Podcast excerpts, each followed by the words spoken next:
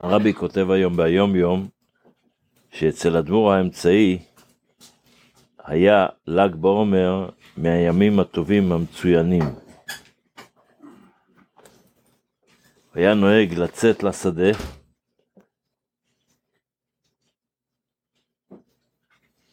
ולא, אמנם כשיצא לשדה הוא לא נהג לעשות שם סעודה ונטילת ידיים, אבל לוקח שם הרבה משקה, למרות שהאדמו"ר האמצעי, היה אסור לו, היה בן אדם חולה, והיה אסור לו לשתות אה, לחיים, אבל ל"ג בעומר, הוא היה אומר הרבה לחיים. והיו רואים אצל האדמו"ר האמצעי הרבה מופתים, הרבה ניסים בל"ג בעומר, ורוב המופתים היו בקשר לילדים. כל שנה החסידים היו מחכים ליום הזה, ל"ג בעומר, כי שם הם יכלו לקבל עזרה במופתים מהאדמו"ר האמצעי.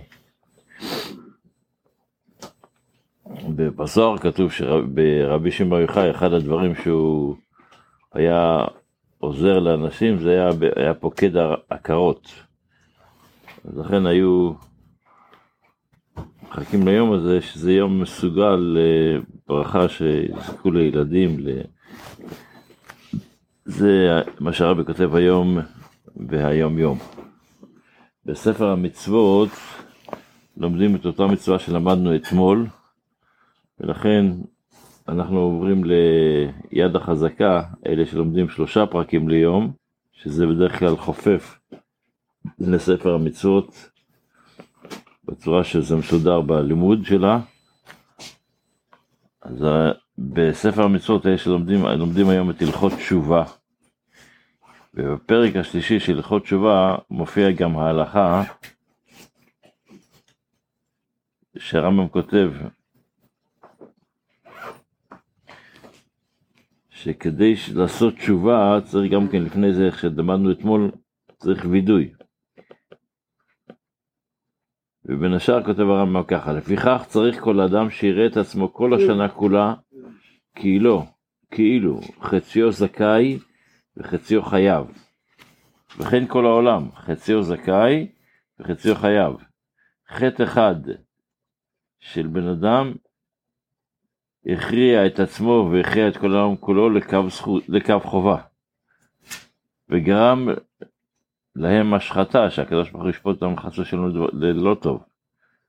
עשה מצווה אחת, הכריע את עצמו ואת כל העולם כולו לקו זכות, וגרם להם תשועה והצלה.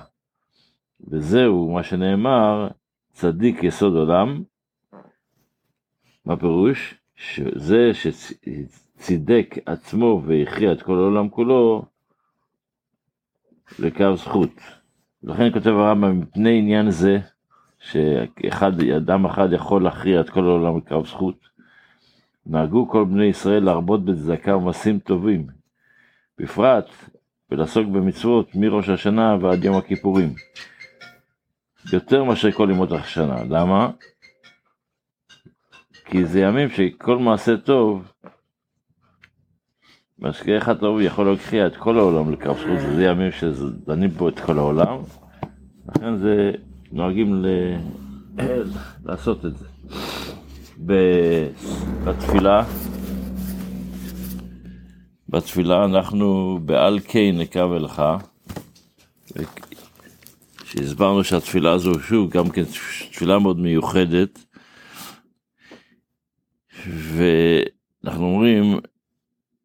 כן קו לך השם אלוקינו לראות מהרה בתפארת עוזיך, לראות את הקדוש ברוך הוא בתפארת שלו, ולהעביר גילולים מן הארץ, ואלים קרות יכרתון.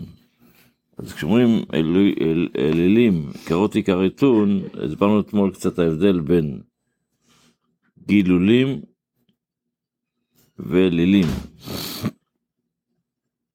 אבל באלילים קוראים קרות יכרתון, מה זה כפול? קרות יכרתון, למה לא כתוב יכרתו? למה צריך לכתוב קרות יכרתו? אלא יש לפעמים שאתה כורת את העץ אבל עדיין גודל מחדש. קרות יכרתון זאת אומרת שזה לא יחזור על עצמו. יש לפעמים שאנחנו עושים דברים וזה חוזר על עצמו. עשינו, עשינו, החלטנו לעשות מעשה טוב, לשוב מהדרך שלנו, אבל לצערנו חוזרים על המעשה. קרות עיקרתון זה כשזה יתבטל בצורה כזו שלא יהיה יותר, שלא יחזור על עצמו. וזה הכוונה של מה שאנחנו מתפללים בתפילה הזו, בדיוק. שיהיה לנו יום טוב, בשורות טובות, חג שמח, כל טוב.